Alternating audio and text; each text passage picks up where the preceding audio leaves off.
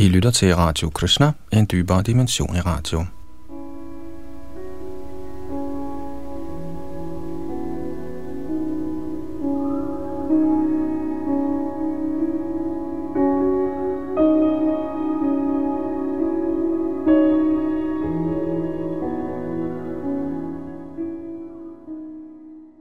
Vi skal fortsætte med vores gennemgang af Srimad Bhagavatam, hvor vi er i gang med 12. og sidste bog. I dag starter vi på kapitel nummer 4, der hedder De fire kategorier af kosmisk udslettelse. Her bag teknik og mikrofon sidder Yadunandan Das.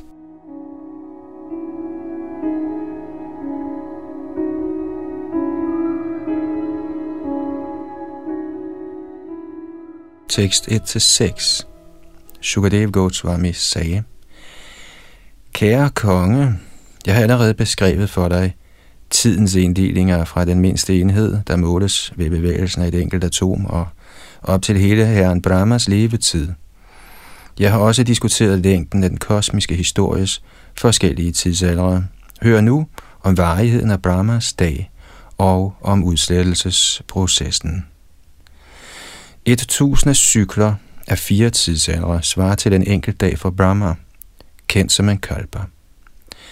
I den periode, ukonge konge, kommer og går 14 manor. Efter en af Brahmas dage indtræffer der en udslettelse under hans nat, der er af samme varighed. Ved den tid er alle tre planetsystemer genstand for ødelæggelse.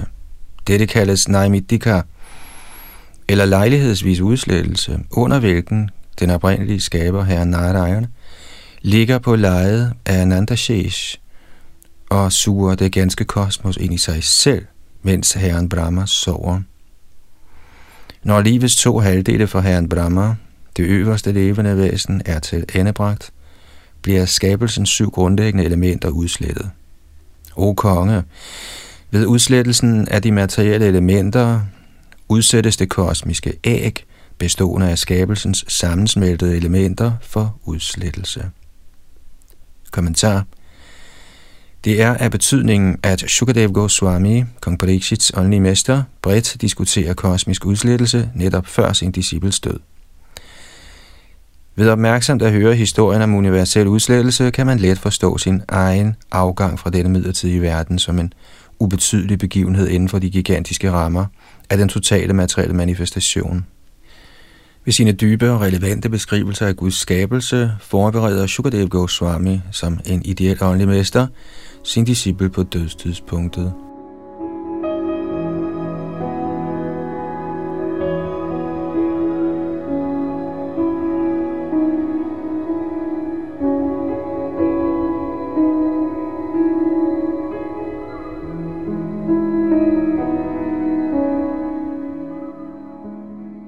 tekst 7-14. Som udslettelsen nærmer sig, o konge, vil regnen ikke falde på jorden i 100 år. Tørke vil føre til hungersnød, og de sultne menneskemasser vil bogstaveligt talt fortære hinanden. Jordens befolkning, forvirret af tidens kraft, vil gradvist gå til grunde. Solen i sin tilintetgørende form vil med sine frygtelige stråler drikke alt vand fra oceanerne, fra levende kroppe og fra selve jorden, men den ødelæggende sol vil ikke give nogen regn til gengæld. Dernæst vil tilindegørelsens mægtige ild flamme op fra månen af herren Sankarshan. Båret af vindens mægtige kraft vil denne ild brænde hele universet og svide den livløse kosmiske skal. Brændt fra alle sider, fra oven af den brændende sol og fra neden af herren Sankarashans ild, vil den universelle sfære gløde som en brændende kugle af komøg. En voldsom frygtelig ødelæggelsesvind vil begynde at blæse i over 1000 år, og himlen, der bliver tildækket af støv, vil blive grå.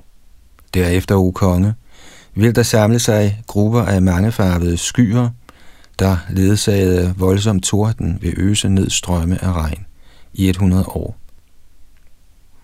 Til den tid vil hele den kosmiske skal blive fyldt med vand, der danner et enkelt kosmisk ocean. Som det ganske univers oversvømmes, berøves jorden sin unikke kvalitet af duft, og elementet jord, frataget sin kendetegnende egenskab, bliver opløst. Kommentar. Som tydeligt forklaret gennem hele Srimad Bhagavatam, besidder det første element, ader, den unikke kvalitet af lyd. Som skabelsen udfolder sig, opstår det andet element, luft, og det besidder lyd og berøring. Det tredje element, ild, besidder lyd, berøring og form, og det fjerde element, vand, besidder lyd, berøring, form og smag. Jorden besidder lyd, berøring, form, smag og duft. Som hvert element mister sin unikke kendetegnende kvalitet, bliver det naturligt ikke til at skille fra de mere subtile elementer og således effektivt opløst som unik størrelse.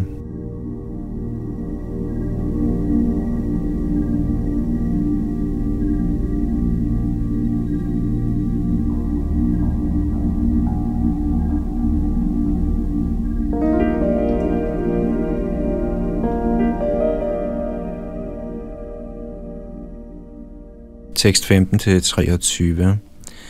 Elementet ild trækker derefter smagen ud af vandelementet, der med sin unikke kvalitet nu fjernet sammensmelter med ilden.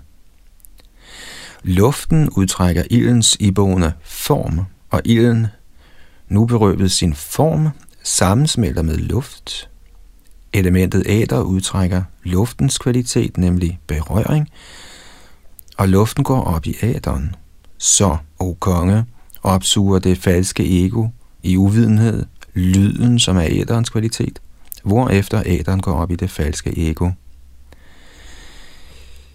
Falsk ego i lidenskabens kvalitet tager sanserne, og falsk ego i godhedens kvalitet opsluger halvguderne. Så tager den totale Mahatattva det falske ego sammen med dets forskellige funktioner, og denne Mahat bliver indsuget af naturens tre grundlæggende kvaliteter – godhed, lidenskab og uvidenhed.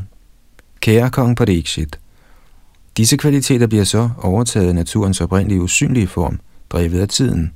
Denne usynlige natur er ikke genstand for de seks slags omdannelse, forårsaget af tidens indflydelse. Snarere har den hverken begyndelse eller ende. Den er skabelsens usynlige, evige og ufejlbarlige årsag. I den materielle naturs usynlige tilstand, kaldet pradhan, er der ingen udtrykte ord, intet sind, og ingen fremvisning af de subtile elementer begyndende fra Mahat. Ej heller er der kvaliteterne godhed, videnskab og uvidenhed. Der er hverken livsluft eller intelligens, sanser eller halvguder. Der er intet definitivt arrangement af planetsystemer, ej heller finder man bevidsthedens tre stadier, søvn, vågenhed og dyb søvn, eller tomhed. Ja, det er faktisk ubeskriveligt, den åndelige videnskabs autoriteter forklarer imidlertid, at fordi pradhan er den oprindelige substans, er den det egentlige grundlag for den materielle skabelse. Dette er den udslettelse, der kaldes prakrita, under hvilken energierne tilhørende den højeste person og hans usynlige materielle natur, nu skilt fra hinanden ved tidens kraft, berøves deres kræfter og sammensmelter totalt. Det er udelukkende den absolute sandhed, der viser sig i form af intelligensen, sanserne og genstandene for sanseopfattelse, og som er deres endelige grundlag. En hver ting, der har en begyndelse og en ende, er uden substans, fordi den er en genstand opfattet med begrænsede sanser, og fordi den er ikke forskellig fra sin egen årsag. Kommentar. Ordet drishatva indikerer, at alle fine og grove materielle udtryk bliver synlige ved den højeste herres energi og bliver igen usynlige eller umanifesterede ved tiden for udslettelse. De er således i deres inderste væsen ikke adskilte fra kilden til deres udfoldelse og tilbagetrækning.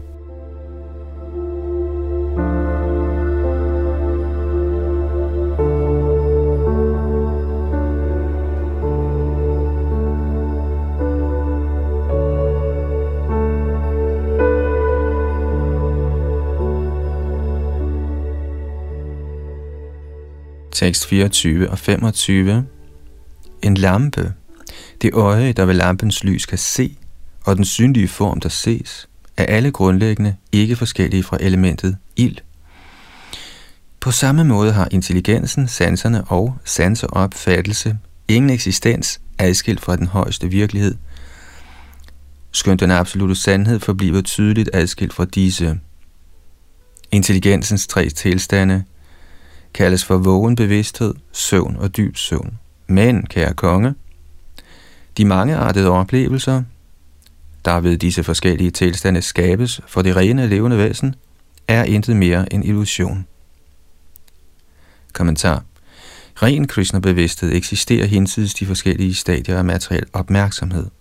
Ligesom mørke forsvinder i tilstedeværelse af lys, vil illusorisk materiel intelligens, der erfares som normal opfattelse, drøm og dyb søvn, helt forsvinde i den strålende tilstedeværelse af ren Krishna-bevidsthed, der er et hvert levende væsens naturlige tilstand.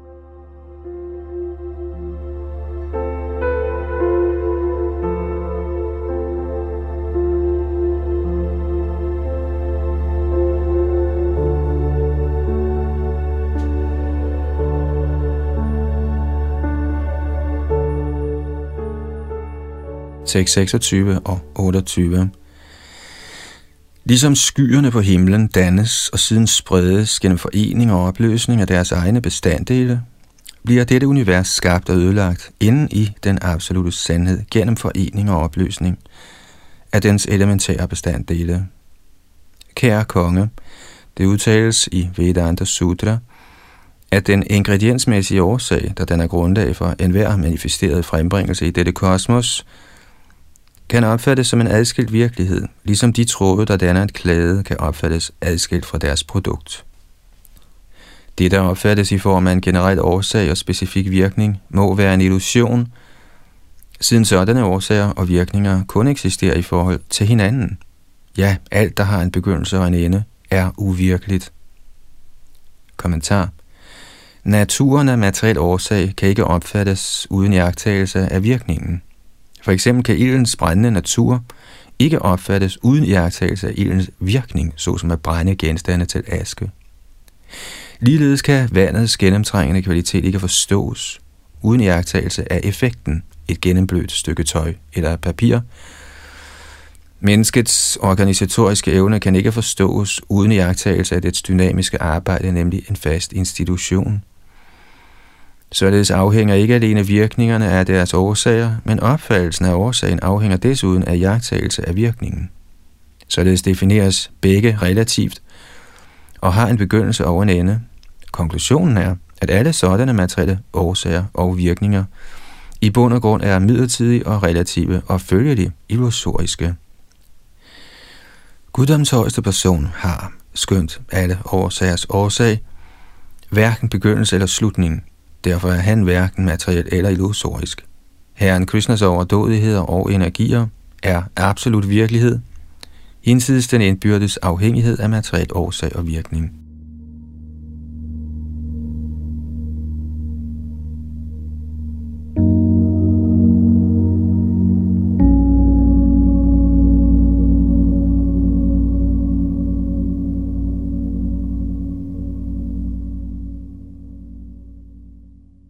629. Skønt opfattet har omdannelsen af selv et enkelt af den fysiske naturs atomer ingen endelig definition uden henvisning til den højeste sjæl. For at acceptere som egentlig eksisterende, må noget besidde de samme kvaliteter som ren ånd, evig, uændret væren. Kommentar En luftspejling af vand i ørkenen er i virkeligheden udtryk for lys. Det falske skin af vand er en bestemt omdannelse af lys. Det, som fejlagtigt ligner den uafhængige materielle natur, er ligeledes en omdannelse af guddoms højeste person. Den materielle natur er Herrens ydre energi.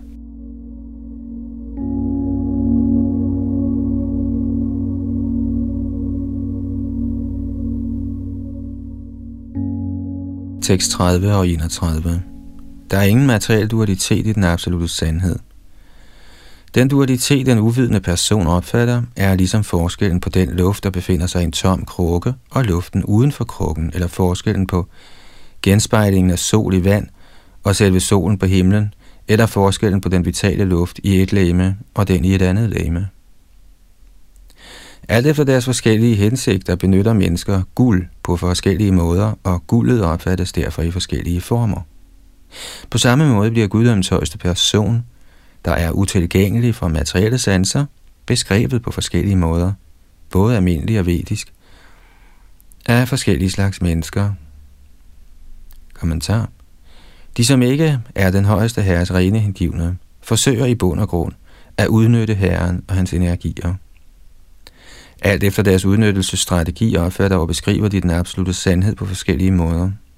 I Bhagavad Gita og Srimad Bhagavatam repræsenterer den absolute sandhed sig, som han egentlig er, til fordel for oprigtige folk, der ikke på tåbelig vis begrebsmæssigt forsøger at manipulere den højeste guddom.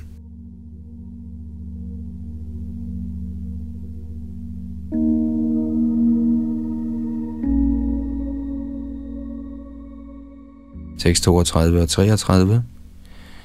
Skønt en sky er solens frembringelse, og desuden bliver gjort synlig af solen, skaber den ikke desto mindre mørke for de jagttagende øje. Der er endnu en af solens delvise udfoldelser. Ligeledes vil det materielle falske ego, der er et bestemt produkt af den absolute sandhed og synliggjort af den absolute sandhed, forhindre den individuelle sjæl, endnu en udvidelse af den absolute sandhed, i at realisere den absolute sandhed. Når skyen, som solen har skabt, bliver sønderrevet, kan øjet se solens virkelige form. Når den åndelige sjæl ligeledes ødelægger sit materielle dække af falsk ego ved at stille spørgsmål om transcendental videnskab, genvinder han sin oprindelige åndelige bevidsthed. Kommentar Ligesom solen kan fjerne skyerne, der forhindrer en i at se den, kan guddommens højeste person, og kun han, fjerne det falske ego, der forhindrer en i at se ham. Der er dog nogle skabninger, såsom uler, der ikke ønsker at se solen. På samme måde vil de, som ikke nær nogen interesse for åndelig viden, aldrig få det privilegium at se Gud.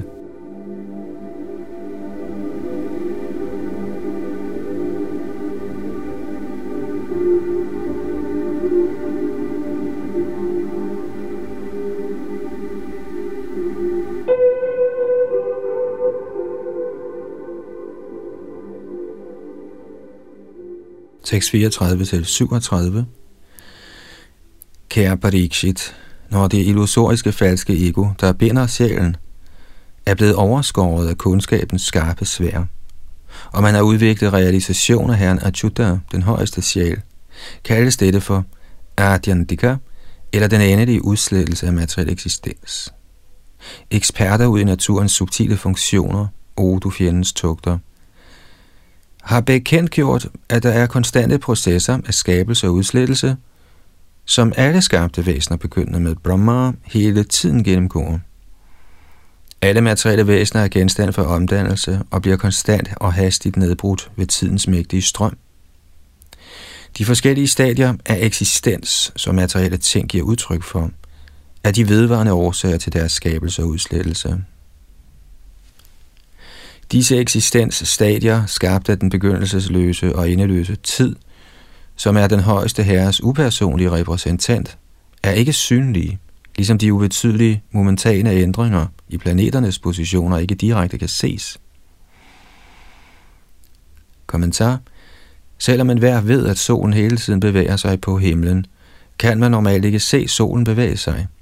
Ligeledes kan ingen direkte se sit hår eller sine neglegrå, skønt man med tidens gang kan konstatere deres vækst.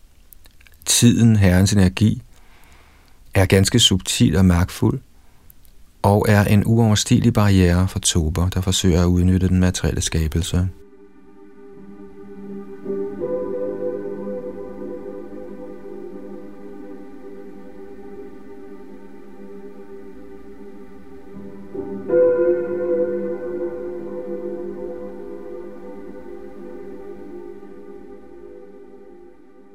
Tekst 38-40 Således beskrives tidens gang med hensyn til de fire slags udslettelse.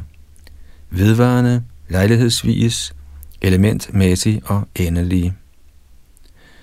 Odo Kuduernes forreste, jeg har videregivet dig disse fortællinger om tidsfordriv angående her Narayan, denne verdens skaber, og det endelige reservoir for al eksistens, vil kun at præsentere dem i korthed. Selv herren Brahma vil ikke kunne beskrive dem til fulde. For en person, der lider i ilden af utallige elendigheder, og som ønsker at krydse den materielle tilværelses uoverstigelige ocean, er der intet passende skib, ud over det at udvikle hengivenhed for den transcendentale smag for fortællinger om guddoms højeste persons tidsfordriv. Kommentar Selvom det ikke lader sig gøre helt at beskrive herrens tidsfordriv, kan sågar en delvis påskyndelse frelse en fra den materielle tilværelses udholdelige kvaler. Den materielle tilværelses feber kan udelukkende slås ned med medicinen af det hellige navn og den højeste herres tidsfordriv. Der bliver perfekt fortalt i Srimad Bhagavatam.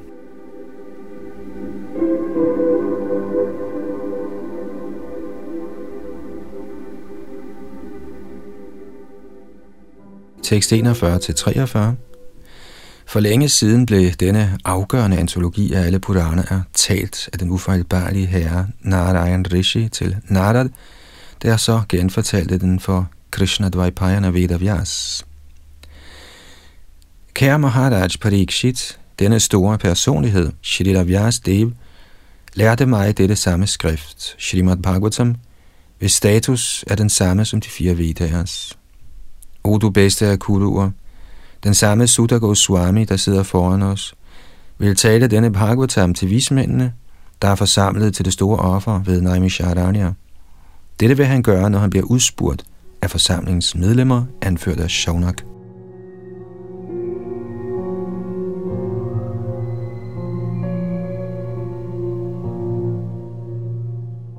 Således ender kommentarerne fra hans guddommelige nåde, A.C. Bhaktivedanta Swami Prabhupads ydmyge tjenere til Srimad Bhagavatams 12. bogs 4. kapitel med titlen De fire kategorier af kosmisk udslettelse.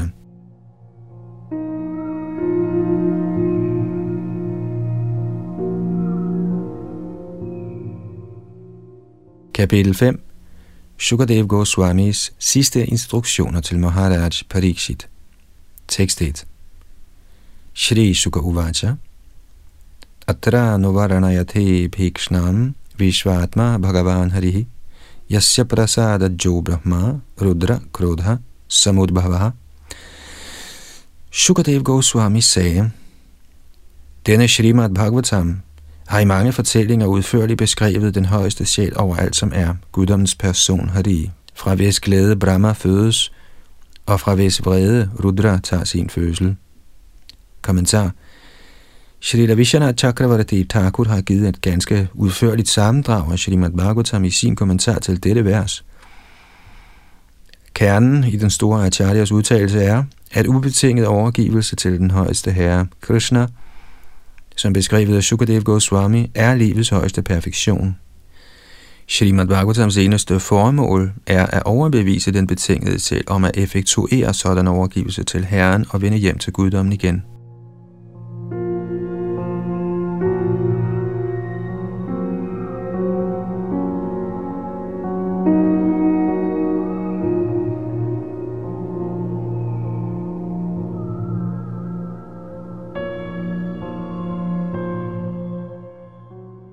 Tekst 2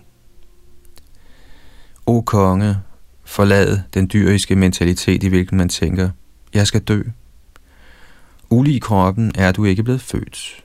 Der har aldrig været en tid, hvor du ikke var til, og du står ikke til udslettelse. Kommentar. I slutningen af første bog, 1.19.15, udtalte kong Parikshit, Tangamo Pajatang Pratiyantu Vipra Ganga Chadevi Hrita Chittamishi Dvijopashrishta Kuhakastakshakova Dashatvalam Gayata Vishnugataha Citat O Brahminer, tag venligst imod mig som en overgivet sjæl, og lad moder Ganges, herrens repræsentant, også acceptere mig på den måde, for jeg har allerede taget herrens lotusfødder til mit hjerte. Lad slangefuglen, eller hvad en magisk ting Brahminen nu har skabt, bide mig med det samme. Jeg ønsker kun, at Jalle fortsætter med at lovsynge Herren Vishnus død. Citat slut. Endda før han hørte Srimad Bhagavatam, var kong Parikshit en Mahabhagavat, en mægtig og ren hengiven af Herren Krishna. Der var i virkeligheden ingen dyrisk frygt for døden i kongen, men for vores skyld taler Shukadev Goswami meget kraftfuldt til sin disciple, ligesom Herren Krishna taler kraftfuldt til Arjuna i Bhagavad Gita.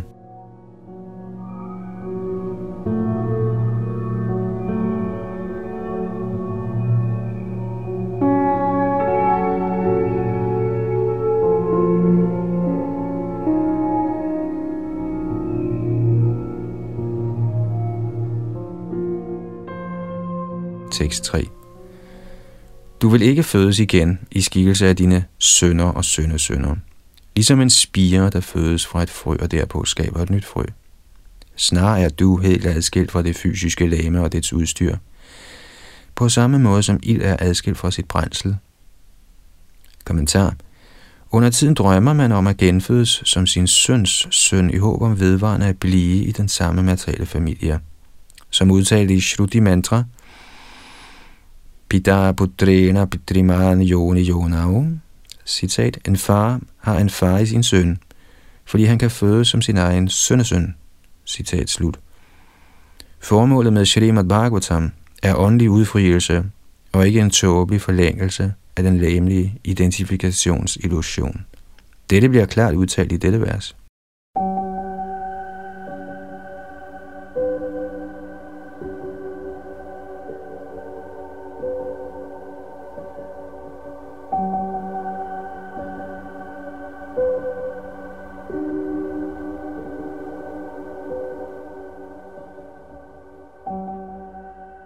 Tekst 4-10 I en drøm kan man se sit eget hoved blive afhugget og således forstå, at ens virkelig selv står adskilt fra oplevelsen i drømmen. Ligeledes kan man i vågen tilstand se, at ens krop er et produkt af de fem materielle elementer. Derfor skal det forstås, at det egentlige selv, sjælen, er adskilt fra den krop, den ser, og er ufødt og udødelig, når en krukke knuses, forbliver den del af æderen, der var inde i krukken, som elementet æder ligesom før. På samme måde, når de grove og subtile kroppe dør, genvinder det levende væsen sin åndelige identitet. Den åndelige sjæls fysiske lamer, kvaliteter og aktiviteter bliver skabt af det materielle sind. Dette sind er i sig selv skabt af den højeste herres illusionskraft, og således antager sjælen materiel eksistens. En lampe fungerer som sådan kun ved kombinationen af dens brændsel, beholder, væge og ild. Ligeledes udvikles og udslettes materielt liv, der er grundlagt på sjælens identifikation med kroppen, gennem funktionerne af materiel godhed, lidenskab og uvidenhed, der er de elementer, kroppen består af. Sjælen inde i kroppen er selvoplysende og er adskilt fra den synlige og grove og usynlige subtile krop. Den forbliver som det faste grundlag for skiftende læmelig eksistens, ligesom den æteriske himmel udgør den uforanderlige baggrund for materiel omdannelse. Derfor er sjælen endeløs og uden materiel sammenligning. Kære konge, ved konstant meditation på den højeste herre, Vasudev, og gennem klar logisk intelligens, skal du nøje overveje dit sande selv, og hvordan det befinder sig inde i det fysiske lame. Slangefuglen Dakshaka, udsendt ved Brahminens forbandelse, vil ikke brænde dit sande selv. Dødens agenter vil aldrig brænde en sådan mester over selvet som du, for du har allerede overvundet alle farer på din vej hjem til guddommen. Kommentar. Virkelig død er tildækningen af ens evige Krishna-bevidsthed. For sjælen er materiel illusion nøjagtig, ligesom døden, men Parikshit Maharaj havde allerede overvundet alle de farer, der truer ens åndelige liv, såsom begær, misundelse og frygt. Shukadev Goswami lykkeønsker her den store hellige konge, der som herren Krishnas rene hengivne på vej hjem, var langt hinsides dødens rækkevidde.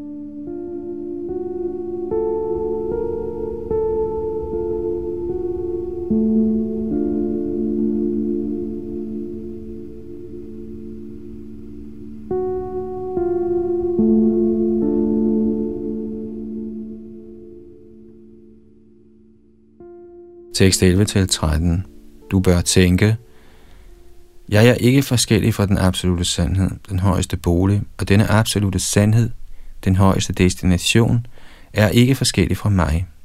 Således underkastende dig, den højeste sjæl, der er fri for alle materielle fejlidentifikationer, vil du end ikke bemærke slangefuglen Takshaka, da den nærmer sig med sine giftfyldte hugtænder og bider din fod. Ej heller vil du se din døende krop eller den fysiske verden omkring dig, fordi du vil have realiseret, at du er adskilt fra disse. Kære kong Pariksit, jeg har fortalt dig om de emner, du oprindeligt spurgte om. Herren Haris universets højeste sjæls tidsfordriv. Hvad kunne du mere tænke dig at høre om? Kommentar. I sin kommentar til denne tekst har Shrita Jiva Goswami ved at citere mange Bhagavatam-vers udførligt påvist, af kong Parikshit, der var helt opsat på at fæstne sit sind på herren Krishna og vende hjem til guddommen igen, indtog en ophøjet hengiven stilling.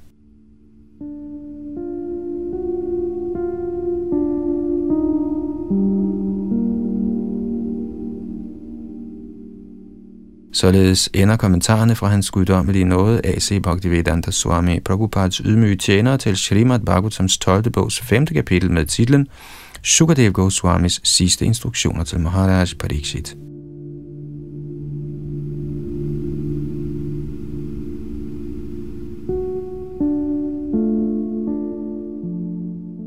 Kapitel 6 Maharaj Pariksit går bort. Tekst 1 Suta Uvacha Etan Nishamya Munina Bhitang Parikshit Vyasatmajena Nikilatma Drisha Samena Tatpada Mulam Upashritya Natina Murdna Badhanjalis Tamidam Maha Vishnurataha Sutta Goswami sagde, efter at have hørt alt, der var blevet ham fortalt af den selvrealiserede og ligevægtige Sukadeva, Vyasadevs søn, nærmede Maharaj Pariksit sig ydmygt hans lotusfødder. Kongen, der havde levet hele sit liv under herren Vishnus beskyttelse, bøjede sit hoved til vismandens fødder, foldede sine hænder i bøn og talte som følger. Kommentar Ifølge Srila Vishana Chakravarti Thakur var nogle af de vismænd, der var til stede, mens Sukadev underviste kong Pariksit, upersonlighedsfilosofer. Således henviser ordet Samena til, at Sukadev Goswami i forrige kapitel havde fremlagt selvrealisationens filosofi på en måde, der tiltalte sådanne intellektuelle yogier.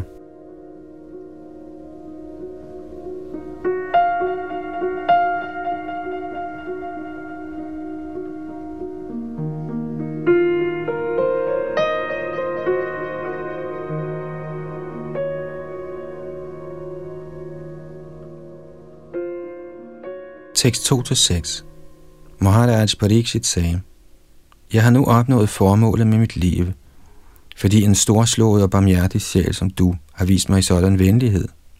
Du har personligt gengivet mig denne fortælling om guddoms højeste person, Hari, der er uden begyndelse eller ende.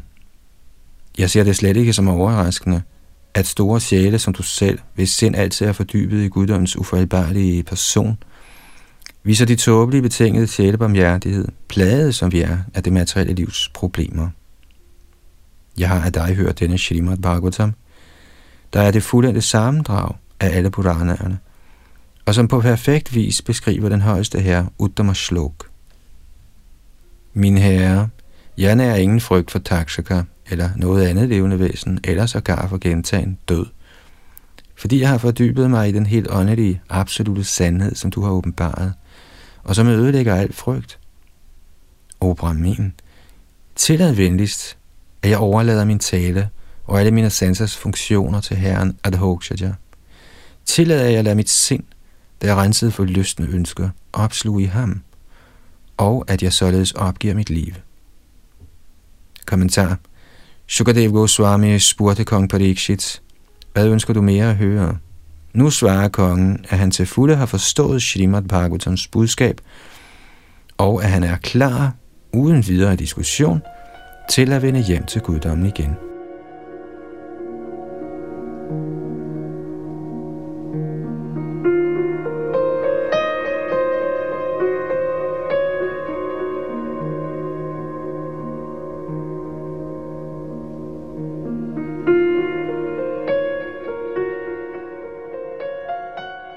Tekst 7-12 Du har afsløret det allermest lykkebringende for mig, Herrens personlige aspekt. Jeg er nu forankret i kundskab og selvrealisation, og min uvidenhed er blevet udryddet.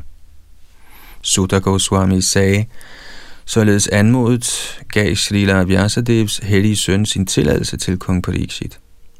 Derpå, da han var blevet tilbedt af kongen og de øvrige tilstedeværende vismænd, drog Sukadeva sted. Maharaj Parikshit satte sig derefter på bredden af Ganges på et sæde af Darbhagræs, hvis spidser pegede mod øst, og han selv vendte ansigtet mod nord. Fordi han var nået til yogans perfektion, oplevede han fuldkommen selverkendelse og var fri for materielle bånd og tvivl. Den helgenagtige konge fæstnede sit sind inde i sit åndelige selv med ren intelligens og gav sig til at meditere på den højeste absolute sandhed. Hans livsluft holdt op med at bevæge sig, og han blev lige så stillestående som et træ. O lærte braminer, slangefuglen Taksaka, der var sendt af den vrede bramins søn, nærmede sig kongen for at dræbe ham, da han så Kashyap Muni på vejen. Takshak smirede Kashyap med kostelige gaver, hvilket opholdt vismanden, der var ekspert i at modvirke gift, sådan han ikke kunne beskytte Maharaj Pariksit. Slangefuglen, der var i stand til at tage en hvilken som helst skikkelse, antog formen af en brahmin, nærmede sig kongen og bed ham. Kommentar Kashyap kunne modvirke Taksakas gift og udviste denne kraft, da han bragte en palme tilbage til livet, efter at Taksaka havde brændt den ned ved at bide den med sine hugtænder. Ifølge skæbnens orden blev Kashyap afledt af Takshak, og det uundgåelige skete –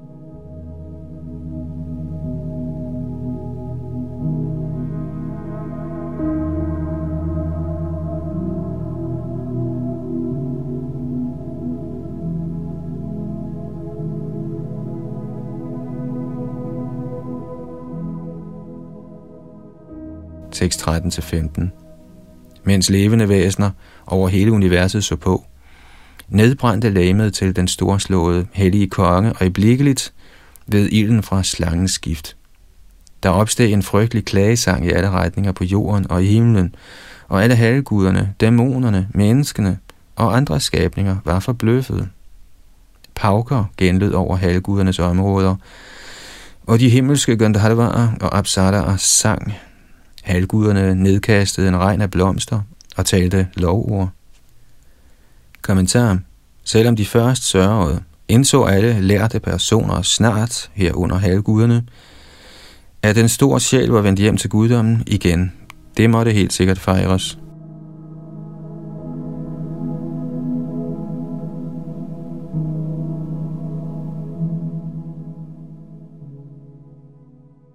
Tekst 16-25 da han hørte, at hans far var blevet dødeligt bidt af slangefuglen, blev Maharaj Janamejai meget vred og fik brahminer til at udføre et mægtigt offer, i hvilket han tilbød offer i den hver eneste slange i hele verden.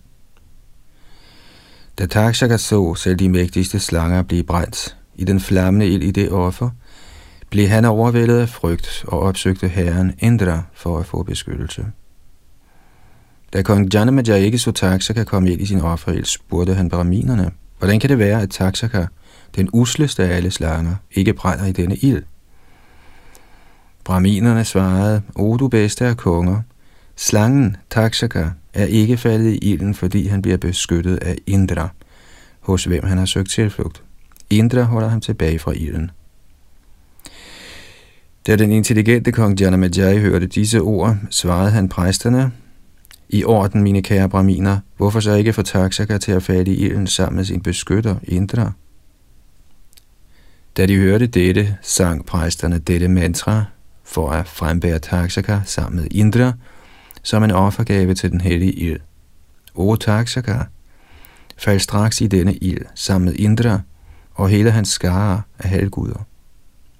Da herren Indra sammen med sit luftfartøj og Taksaka pludselig blev kastet væk fra sin position ved disse braminers fornærmelige ord, blev han meget forstyrret.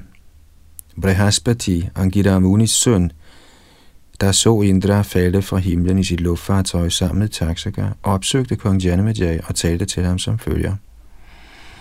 O konge over mennesker, det er ikke passende, at denne slangekonge dør for dine hænder, fordi han har drukket de udødelige halvguders nektar. Følgelig er han ikke genstand for alderdommens og dødens almindelige symptomer. Liv og død for en læmeliggjort selv, samt hans destination i næste liv, skyldes alle ham selv, gennem hans egen aktivitet, Derfor, o konge, er ingen anden i virkeligheden årsag til ens lykke og kval. Kommentar Selvom kong Parikshit til synligheden døde af Taksakas bid, var det herren Krishna selv, der bragte kongen hjem til Guds rige. Brihaspati ville, at unge kong Janamejai skulle se tingene fra den åndelige vinkel.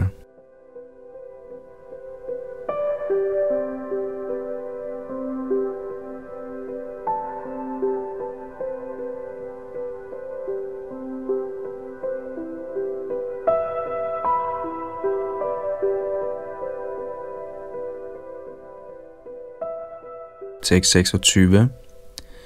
Når en betinget sjæl bliver dræbt af slanger, tyve, ild, lyn, sult, alderdom eller noget som helst andet, erfarer han reaktionerne på sit eget tidligere arbejde.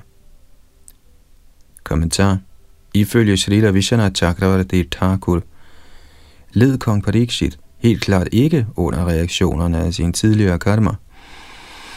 Som den store hengivne han var, blev han personligt bragt hjem til guddommen igen af Herren.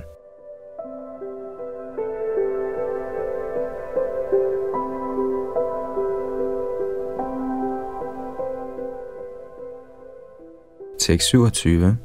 Vil du derfor, kære konge, være så venlig at ophøre med denne offring, der blev påbegyndt med den hensigt at gøre skade på andre? Mange uskyldige slanger er allerede blevet brændt til døde, Ja, alle må lide de usete følger af deres tidligere handlinger.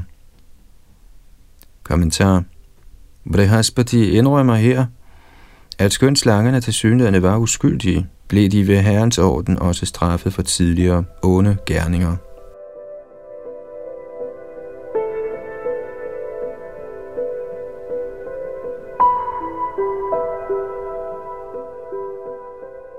Tekst 28 og 29 Sudha Goswami fortsatte. Således tilrådet svarede Maharaj Janamajai i orden. Ud af respekt for den storslåede vismands ord, afstod han fra slangeoffret og tilbad Brihaspati, den mest veltalende af vismænd.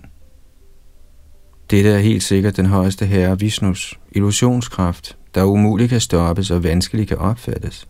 Selvom de individuelle åndelige sjæle er herrens integrerende dele, bliver de ved indflydelsen fra denne illusionskraft forvirret af deres identifikation med forskellige materielle lægemer. Kommentar. Herren Vishnus illusionskraft er i den grad mægtig, at sågar kong Pariksits hæderkronede søn midlertidigt blev afledt. Da han i var herren Krishnas hengivende, blev hans forvirring hurtigt korrigeret. En almindelig materialist derimod, der mangler herrens særlige beskyttelse, styrdykker ned i den materielle uvidenhedsdyb. I virkeligheden er materialistiske personer ikke interesseret i Herren Vishnus beskyttelse. Derfor er deres totale ruin uundgåelig.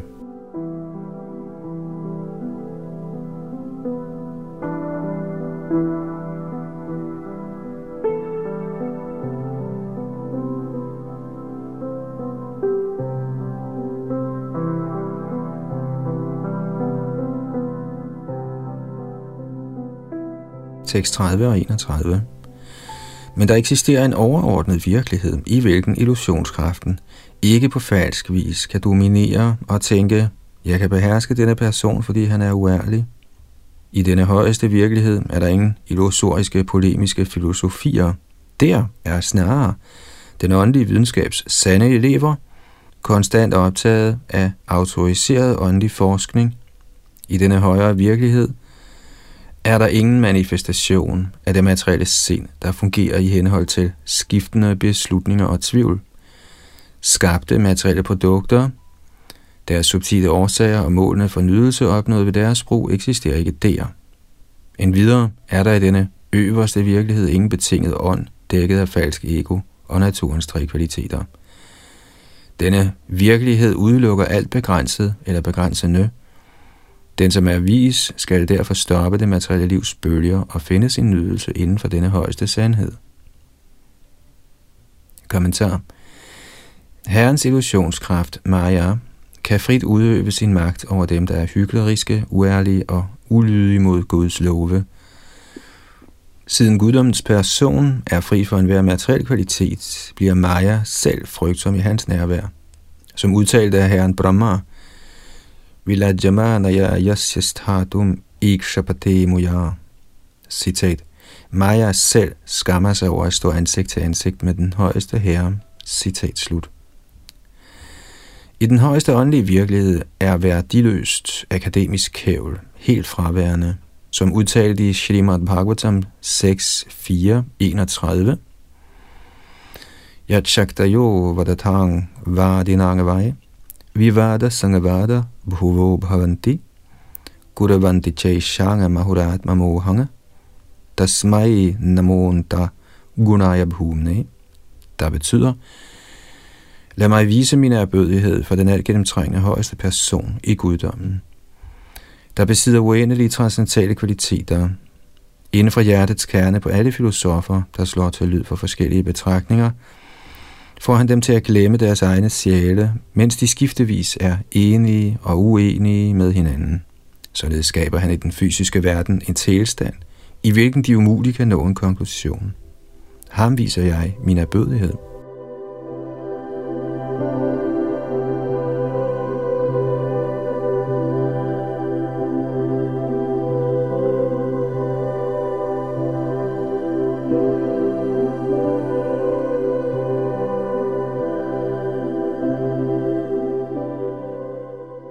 Tekst 32.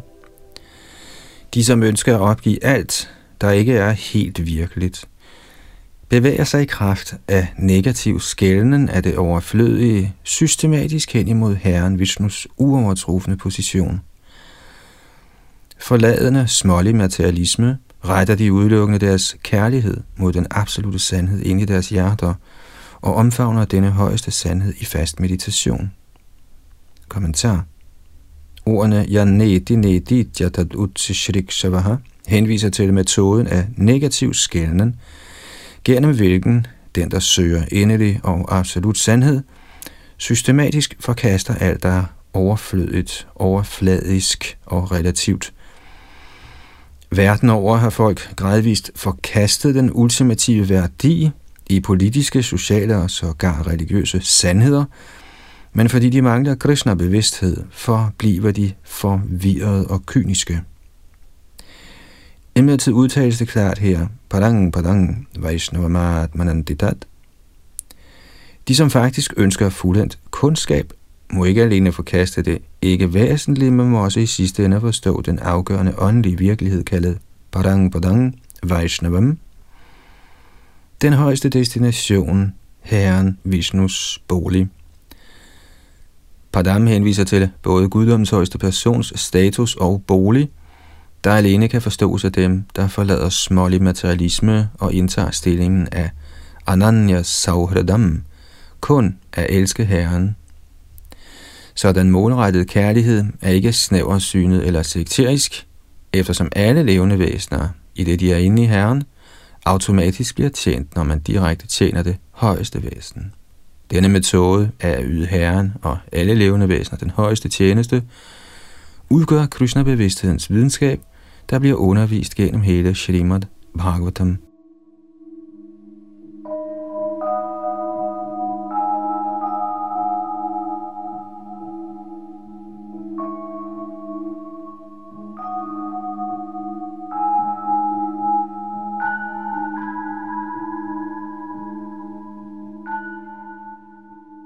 Tekst 33-37. Sådanne hengivne opnår en forståelse af guddommens person, Herren Vishnus transcendentale position, fordi de ej længere er forurenet af begreberne jeg og min, der baserer sig på krop og hjem. Man må finde sig i alle fornærmelser, og aldrig forsømme at udvise behørig respekt over for nogen person – man må undgå identifikation med det fysiske læme, og således ikke indlede fjendskab med nogen. Jeg bøjer mig dybt for guddommens højeste person, den uovervindelige herre Shri Krishna. Ved helt enkelt at meditere på hans lotusfødder, har jeg været i stand til at studere og værdsætte denne storslåede litteratur. Sauna Karishi sagde, O Mille Sutta, fortæl os venligst, hvordan bejler og de øvrige af Shrita Vyasdevs begavede disciple, der kendes som standard autoriteter ud i vedisk visdom, talte og redigerede vedderne. Sutta Goswami sagde, O Brahmin, først opstod den subtile svingning af transcendental lyd fra æderen i hjertet på den mest ophøjede herre Brahma, hvis sind var helt forankret i åndelig realisation. Man kan opfatte denne subtile svingning, når man helt hører inde med at lytte udvendigt. Kommentar Fordi Srimad Bhagavatam er den højeste vediske litteratur, ønskede vismændene under ledelse af Shaunak at opspore dens kilde.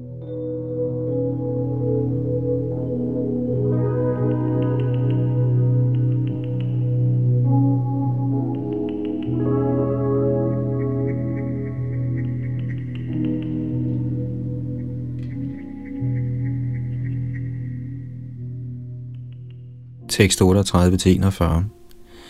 Ved at tilbede denne vedernes subtile form, Obramin, renser mystikkens vismænd deres hjerter for al besmittelse, forårsaget af urenheder i substans, handling og udøver, og således opnår de frihed for gentagen fødsel og død.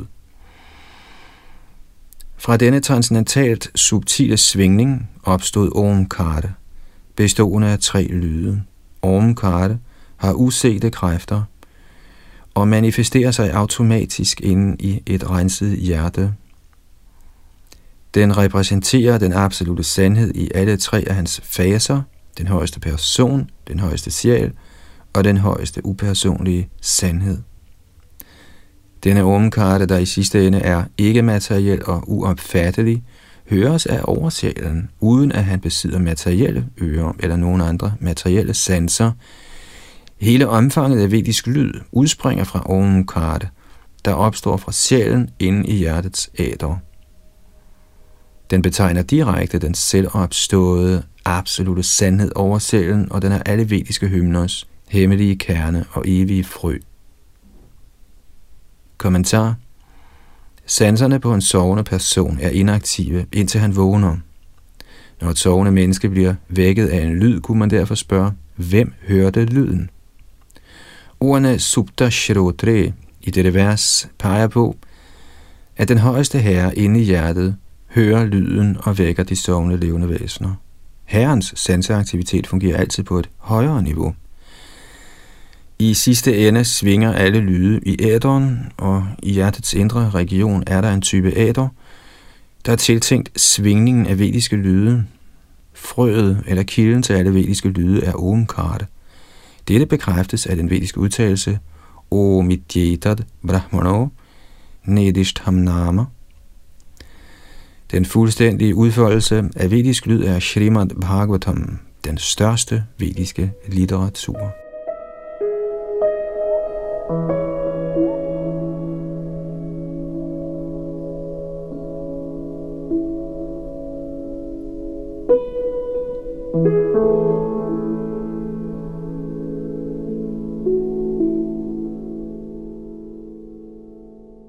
Tekst 42-50. Omkar udtrykte alfabetets tre oprindelige lyde, A, U og M.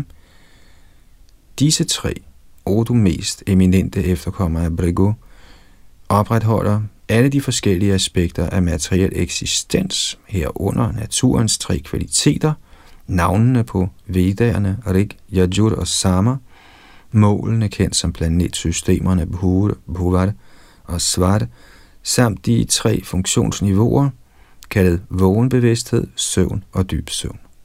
Fra denne ormkarte skabte herren Brahma alle alfabetets lyde, vokalerne, konsonanterne, halvvokalerne, visle lydene og andre, der udmærker sig ved træk såsom lange og korte versemål. Mægtige Brahma gjorde brug af denne samling af lyde til fra sine fire ansigter at frembringe de fire vedaer, der viste sig sammen med den hellige Omkart og de syv Vyahriti påkaldelser. Hans hensigt var at udbrede metoden af vediske ofre, ifølge de forskellige funktioner, de fire vedaers bestemte præster udfører. Brahma videregav disse vedaer til sine sønner, der var mægtige vismænd blandt brahminerne og eksperter ud i den vediske recitationskunst. De på deres side tog rollen som acharya og gav vedderne videre til deres egne sønner. På denne måde, gennem cyklerne af fire tidsaldre, har generation efter generation af disciple, alle fast forankret i deres åndelige løfter, modtaget disse vedaer gennem disciplekæden. Ved slutningen af hver Dvapara Yug bliver vedderne delt op i forskellige inddelinger af fremtrædende vismænd. Da de så, at folk i almindelighed fik beskåret deres levetid, styrke og begavelse ved tidens kraft, lod store vismænd sig inspirere af guddommens person ind i deres hjerter og gav vedderne en systematisk inddeling. Obramin i Vajvasvat Manus indeværende tidsalder anmodede universets ledere, anført af Brahma og Shiva, guddoms højeste person, alle verdeners beskytter, om at frelse religionens principper. O mest heldige Shonak, den almægtige herre udviste en guddommelig gnist, er en del af hans fuldstændige del, og viste sig således i livet på Satyavati som søn af Parashar. I denne skikkelse ved navn Dvaipayan Vyas inddelte han den ene Veda i fire. Shrita Vyasdeva delte mantraerne fra Vedderne Rig, Atharva, Yajur og Sama i fire dele, ligesom man sorterer en samling blandede juveler i forskellige bunker. Således forfattede han fire klart adskilte vediske bøger. Kommentar Da herren Brahma først talte de fire Vedaer med sine fire munde, var mantraerne blandet sammen ligesom en usorteret samling af forskellige typer ædelstene. Shrila Vyastev sorterede de vediske mantraer i fire inddelinger, Sanghitaer, hvilke således blev til de genkendelige Vedaer, Rig, Atharva, Yajur og Sama.